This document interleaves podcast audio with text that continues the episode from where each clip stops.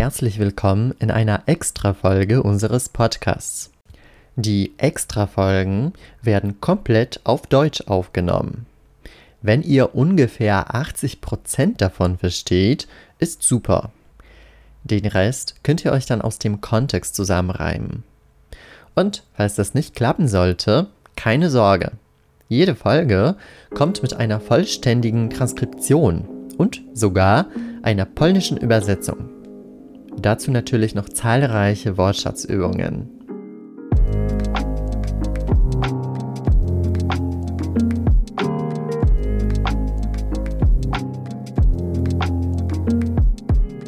In der heutigen Folge werden wir peinliche Situationen unter die Lupe nehmen und uns überlegen, wie wir mit ihnen umgehen können.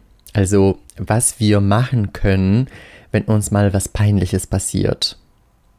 Etwas unter die Lupe nehmen bedeutet etwas genau betrachten, untersuchen. Manchmal passiert es, dass wir einfach einen Fehltritt machen. Das heißt, wir machen oder sagen etwas Falsches oft ohne schlechte Absicht. Zum Beispiel vergessen wir, wie jemand heißt. Wir haben jemanden gerade kennengelernt und beim nächsten Treffen können wir seinen oder ihren Namen nicht mehr abrufen. Natürlich ist es ein bisschen peinlich, eine Person drei oder viermal nach ihrem Namen zu fragen, aber einmal nachzufragen, finde ich persönlich völlig okay. Noch stressiger oder peinlicher kann es werden, wenn wir bei einer Präsentation vor lauter Menschen den Faden verlieren. Es ist halb so schlimm, also nicht so schlecht, wenn ich den Faden verliere, wenn jemand anders spricht. Schwieriger wird es, wenn ich den Faden verliere, während ich spreche. Das heißt, ich vergesse, was ich zu sagen habe, und plötzlich habe ich eine geistige Blockade. Das Publikum wartet und ich bekomme Herzrasen, Schweißausbruch und Panik. Das Wichtigste ist dabei, Ruhe zu bewahren, also ruhig zu bleiben. Ein mentaler Blackout kann jedem passieren. Außerdem ist es manchmal sogar besser, weniger zu sagen, als ein Wort oder einen Satz zu viel. Wenn man schneller spricht, als man denkt, es ist einfach, ins Fettnäpfchen zu treten. Kennt ihr die Redewendung ins Fettnäpfchen treten? Der Fettnapf war früher in vielen Häusern ein kleiner Topf mit Fett für die Stiefel, also für die Schuhe. Mit diesem Fett konnte man einfach die Stiefel putzen. Die Redewendung ins Fettnäpfchen treten bedeutet aber jemanden zu beleidigen oder gar zu verletzen dadurch, dass man etwas Falsches sagt. Zum Beispiel ein vermeintliches Kompliment wie Für Ihr Alter sehen Sie aber gut aus. Naja, so ein Kompliment deutet aber an, dass die Person nicht gerade jung ist, was sich nicht angenehm anhört. Für diejenigen, die dazu neigen, ins Fettnäpfchen zu treten, gilt als Faustregel. Das Alter und Aussehen lieber nicht kommentieren.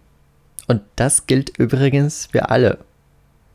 Wenn ich sage, dass etwas als Faustregel gilt, bedeutet, dass etwas eine allgemeine gute Regel ist. Es kommt aber auch vor, dass wir uns gar nicht für uns, sondern für eine andere Person schämen. Das Wort Fremdschämen beschreibt das Gefühl, wenn man sich für das Verhalten einer anderen Person schämt obwohl man selbst an der peinlichen Situation nicht beteiligt ist.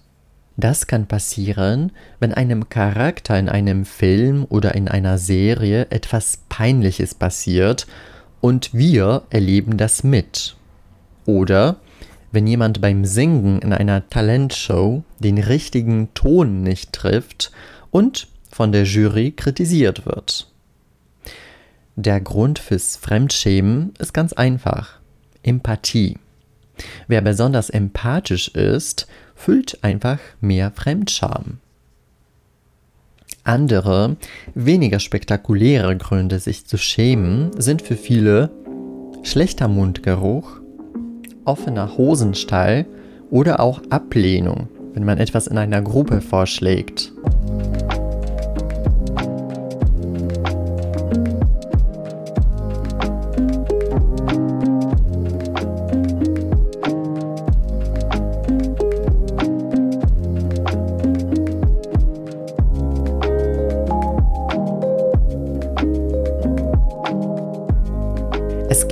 Verschiedene Reaktionen, die auftreten können, wenn wir uns in einer peinlichen Situation befinden. Vor allem sind das körperliche Reaktionen. Sehr oft laufen wir rot an. Unser Gesicht wird ganz rot, wie eine Tomate. Wir bekommen auch schwitzige Hände. Schwitzen ist auch eine typische Reaktion in einer stressigen Situation.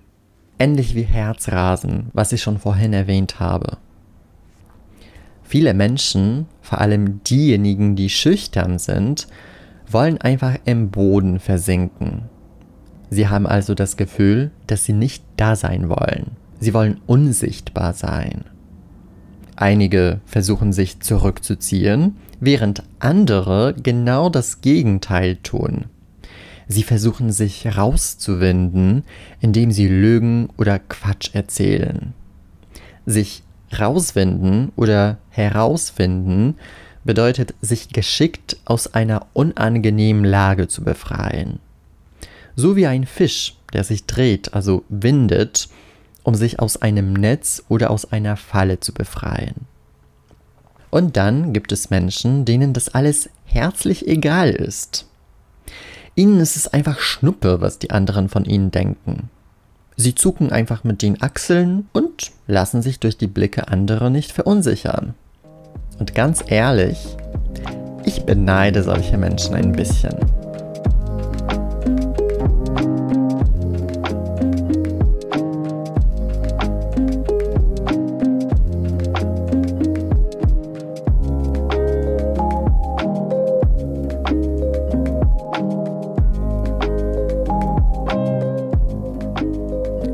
Den meisten Fällen gut helfen kann, ist der Humor.